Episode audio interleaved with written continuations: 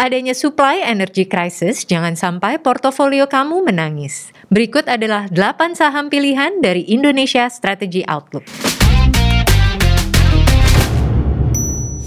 Memasuki kuartal terakhir 2021, IHSG kembali menunjukkan kekuatannya. IHSG berada di support 6.300 hingga 6.400. Banyak yang bertanya, apakah IHSG mampu kembali ke titik all-time high-nya di 6.600? Langsung saja kita bertanya kepada Head of Research Mirai Aset Sekuritas Indonesia, Bapak Haryanto Wijaya.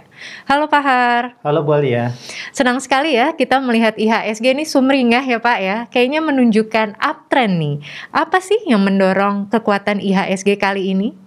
Iya, kalau kita ngelihat ada tiga katalis besar untuk ISG untuk terus uptrend. Yang pertama adalah kalau kita ngelihat aktivitas ekonomi Indonesia yang kalau kita ngelihat sekarang secara gradually kembali mulai pulih ke level pre-COVID-19. Yang kedua, kalau kita ngelihat saat ini dunia sedang mengalami global energy crisis yang membuat harga komoditi, terutama harga komoditi energi seperti batu bara, yang trennya mencapai level tertinggi dalam sejarah. Tentu oh. ini positif bagi Indonesia sebagai negara eksporter batu bara terbesar di dunia.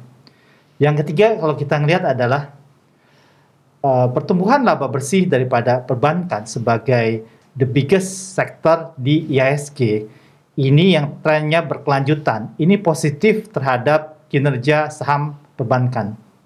Baik, jadi ada tiga ya yang akan kita bahas di Superstock kali ini. Iya. Oke, kalau gitu kita bahas satu persatu ya Pak ya. Dari yang pertama ini terkait relaksasi PPKM yang mulai diberlakukan sejak September kemarin nih. Bagaimana kondisi aktivitas ekonomi di lapangan? Menurut Google Mobility Index, tingkat kunjungan masyarakat ke groceries dan farmasi saat ini, baik di Jawa Barat, Jawa Tengah, dan Jawa Timur, posisinya sudah lebih tinggi dibandingkan posisi per Januari dan Februari 2020 pada saat kasus COVID-19 belum melanda Indonesia. Begitu pula kalau kita ngelihat dari data Google Mobility Index, tingkat kunjungan masyarakat ke retailers dan entertainment saat ini juga sudah lebih tinggi dibandingkan posisi per Januari Februari 2020. Ini tentu menunjukkan bahwa aktivitas ekonomi recover secara bertahap. Iya, jadi kita bisa melihat confidence masyarakat ya untuk kembali ke pusat-pusat perbelanjaan ya. Bahkan hal ini juga didukung dengan adanya relaksasi trial dari pemerintah yang mengizinkan anak-anak di bawah 12 tahun untuk kembali mengunjungi mall ya Pak ya. Iya, uh, kemarin kita melakukan ground check di akhir bulan September kemarin. Kita melakukan ground check untuk mengakses uh, data daripada Google Mobility Index dan kalau kita pengen melihat asas dampak daripada kebijakan pemerintah yang memperbolehkan anak di bawah umur 12 tahun masuk ke dalam pusat perbelanjaan. Yang menarik adalah kita melihat uh, tingkat kunjungan masyarakat itu naik signifikan. Oke. Okay. Baik untuk malls yang target marketnya adalah mid to low income people seperti City Plaza Jatinegara dan malls yang menargetkan mid to high income people seperti Kota Kasablanka dan Grand Indonesia kita ngelihat semua target market secara gradually naik visit daripada masyarakat. Jadi kalau kita ngelihat di samping tingkat mobilitas masyarakat yang meningkat, kita juga melihat bahwa Indonesia Manufacturing PMI ini meningkat ke level 52,2 di bulan September atau sudah kembali masuk ke teritori ekspansi seiring dengan pulihnya permintaan atas produk manufaktur Indonesia.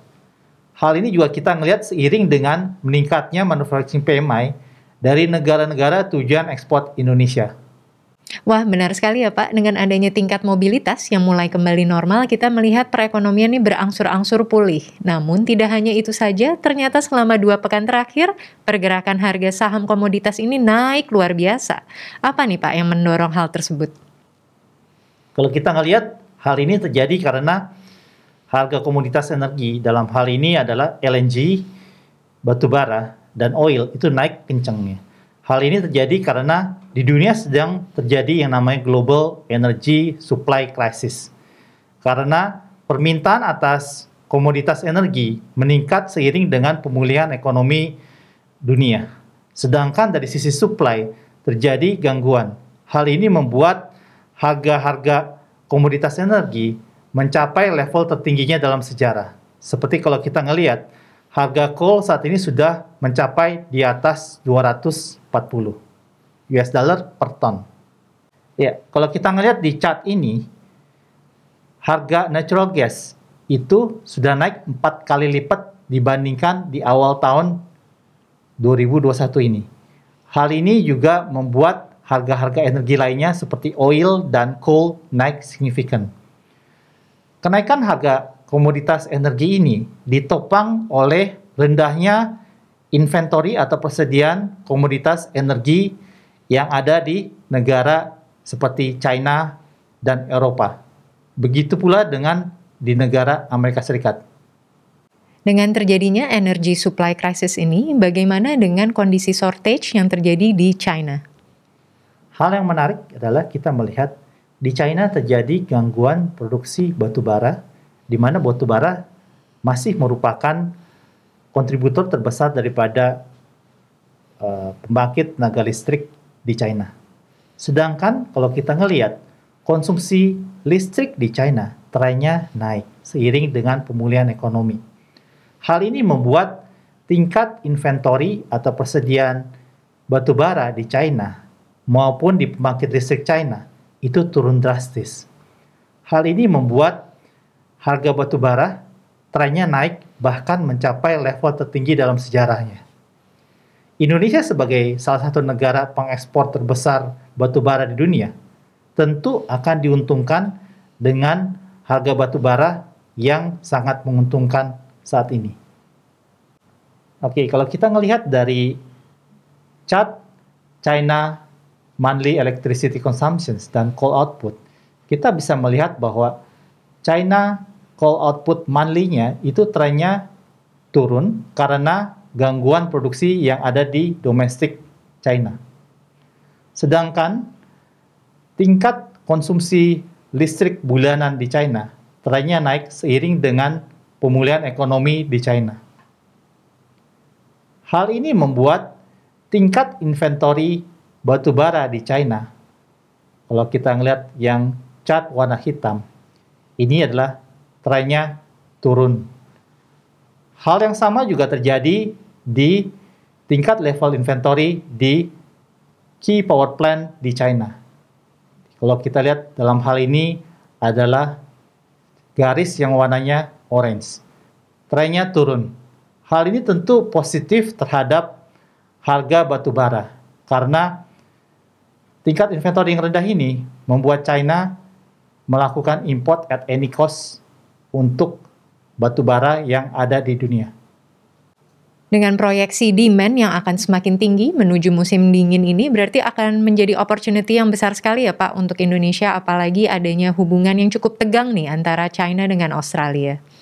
Iya, kalau kita ngelihat bahwa China yang melakukan larangan import batu bara dari Australia yang sudah berjalan sekitar satu tahun terakhir, ini tentu membuka peluang bagi Indonesia untuk menangkap peluang kenaikan demand atas batu bara di China.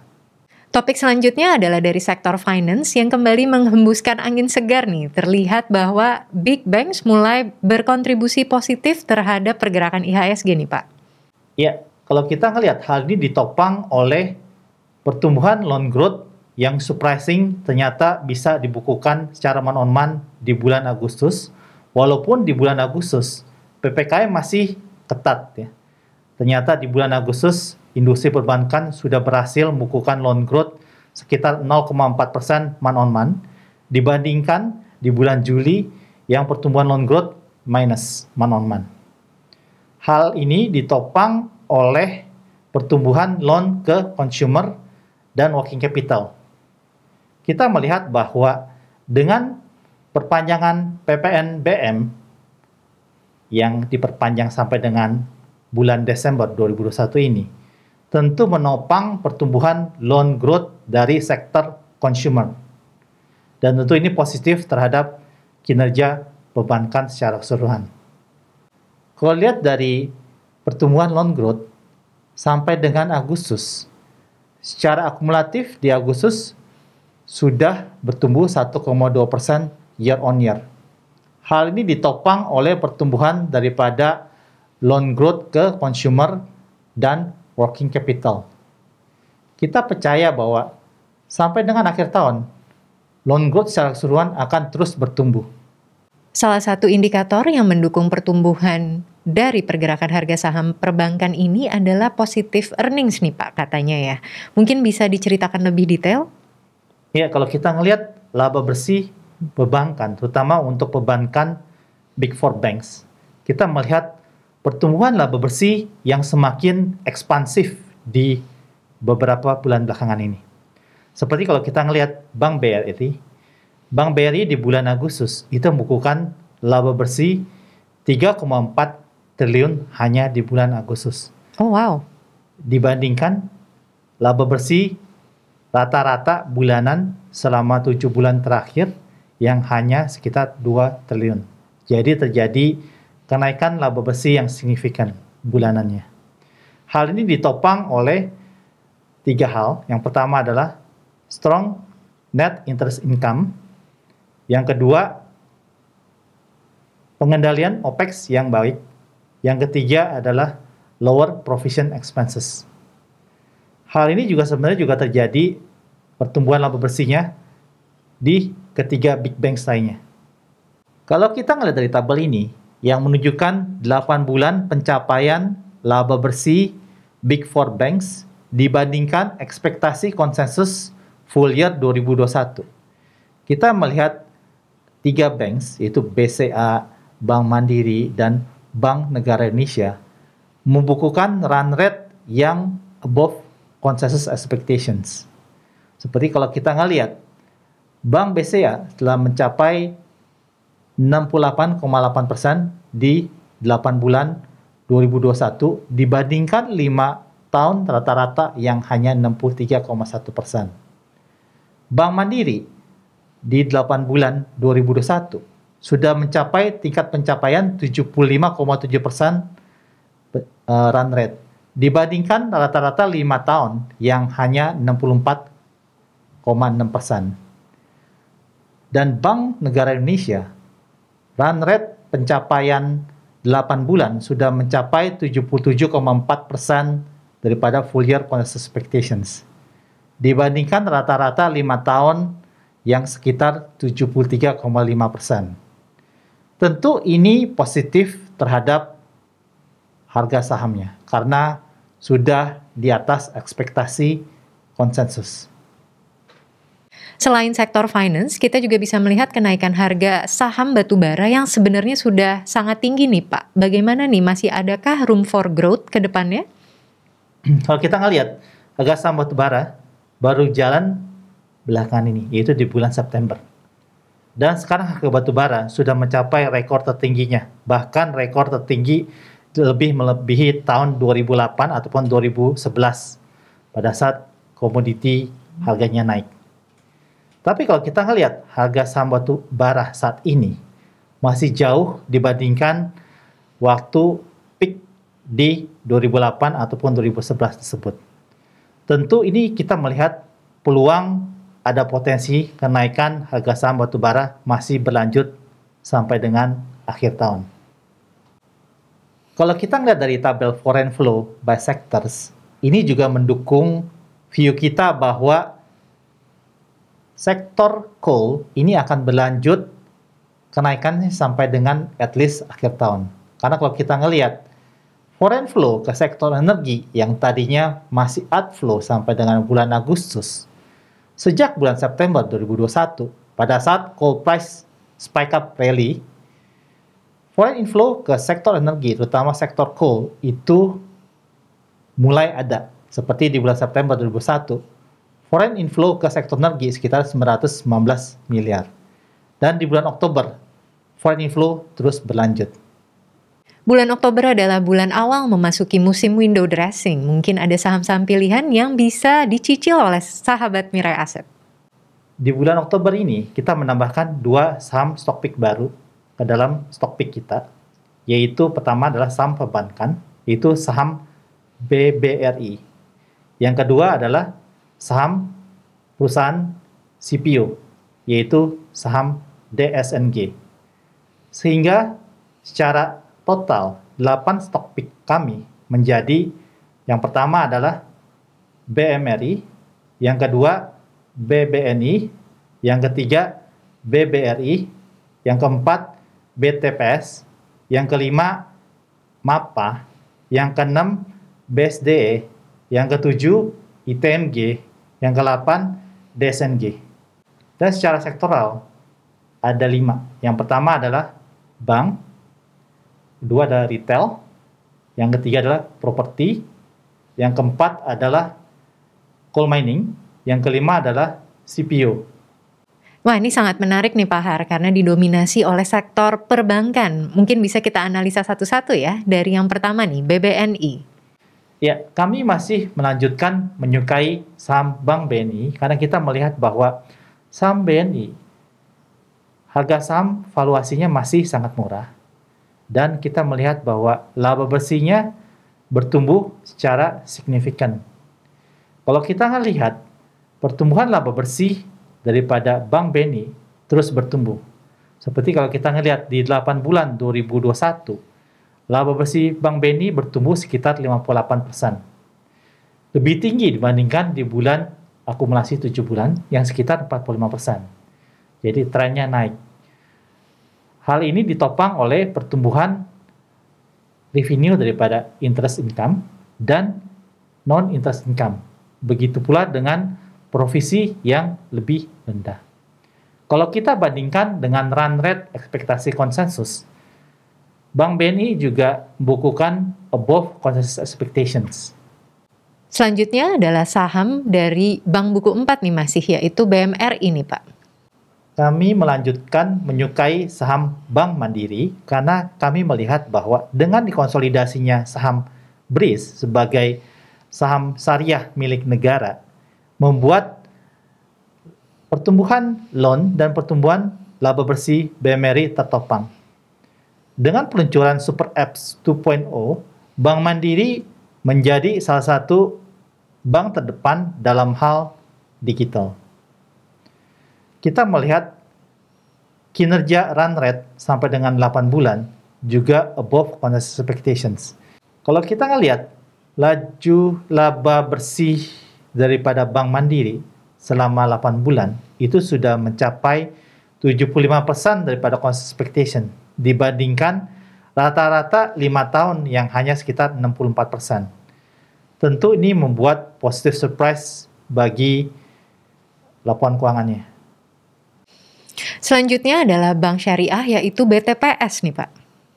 Ya, kita terus melanjutkan menyukai saham BTPS karena kita melihat bahwa BTPS pertumbuhan laba bersihnya bagus. Kalau kita ngelihat di 8 bulan itu sekitar 140% year on year.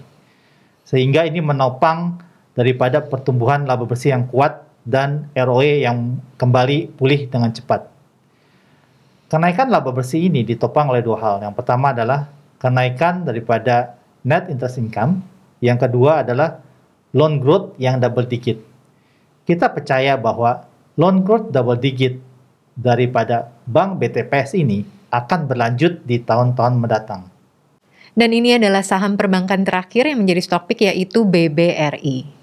Uh, kami menyukai BBRI karena kami melihat bahwa BBRI yang baru saja mengakuisisi Pegadaian dan PNM dan sinerginya ini akan membuat BBRI akan semakin kuat dominasinya di ultra mikro dan mikro.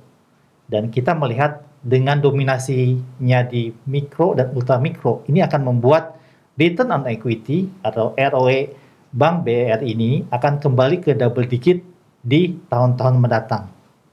Ini adalah saham dari sektor sawit yang diperkirakan potensinya masih besar nih yaitu DSNG nih Pak. Kenapa kami menyukai DSNG? Karena kami melihat bahwa harga sawit yang bagus saat ini baru akan terefleksi di laporan keuangan third quarter 2021 di mana kita melihat third quarter 2021 laba bersih ini akan dipublish di antara bulan Oktober ataupun November. Kita melihat laba bersih third quarter ini akan bagus karena kenaikan CPO belakangan ini naik signifikan, bahkan mencapai rekor tertingginya di atas 4.900 Malaysian Ringgit per ton. Dengan pulihnya sektor retail, tentunya MAPA menjadi pilihan ya Pak ya? Ya, di mana kalau kita melihat hasil ground check kami, kami melihat bahwa tingkat traffic visitor ke malls itu sudah improve signifikan ya. Terutama tingkat traffic ke spot utility stores seperti spot stations dan Atlas Food. Ini tentu menguntungkan MAPA karena MAPA sebagai leading spot utility stores ini akan benefit. Apalagi kalau kita melihat bahwa fourth quarter 2021 laba bersihnya itu akan bagus. Karena mid to high income people akan spending year end-nya mereka di Indonesia. Karena international traveling relatively limited di fourth quarter 2021 ini. Satu saham dari sektor properti yaitu BSDE menjadi stock pick nih Pak. Iya, kita melihat bahwa saham BSD diperdagangkan masih dengan valuasi yang murah. Ya, kalau kita lihat dari segi valuasi konsensus itu masih diperdagangkan dengan sekitar 65% diskon terhadap konsensus NAV. Dan kita melihat bahwa kinerja prasalesnya yang juga bagus. Kita melihat bahwa first half prasalesnya itu kita lihat bertumbuh sekitar 56%, di mana sudah mencapai 65% pada ekspektasi full year. Kita melihat bahwa mall reopening ini juga bagus sebagai BSD karena kalau kita ngelihat mall contribute sekitar 18% daripada top line atau revenue daripada BSD. Dan stock pick yang terakhir dari sektor call yaitu ITMG nih Pak. Kami terus menyukai ITMG karena kami melihat bahwa adanya near term catalyst yaitu pembagian interim dividend. Kami memperkirakan ITMG akan mengumumkan interim dividend di akhir Oktober dan akan dibagikan di November. Based on our simple calculations, ITMG sepertinya akan membagikan uh, dividen dengan interim dividend yield sekitar 6%. Cukup lukratif. Kita melihat juga laba bersih terkuarter 2021 ITMG akan naik signifikan karena harga batu bara yang trennya naik Sampai dengan 8 Oktober 2021, tingkat accumulated return daripada stock pick kami menghasilkan return sekitar 46,6% return dibandingkan kinerja IISG yang menghasilkan return sekitar 1,4%.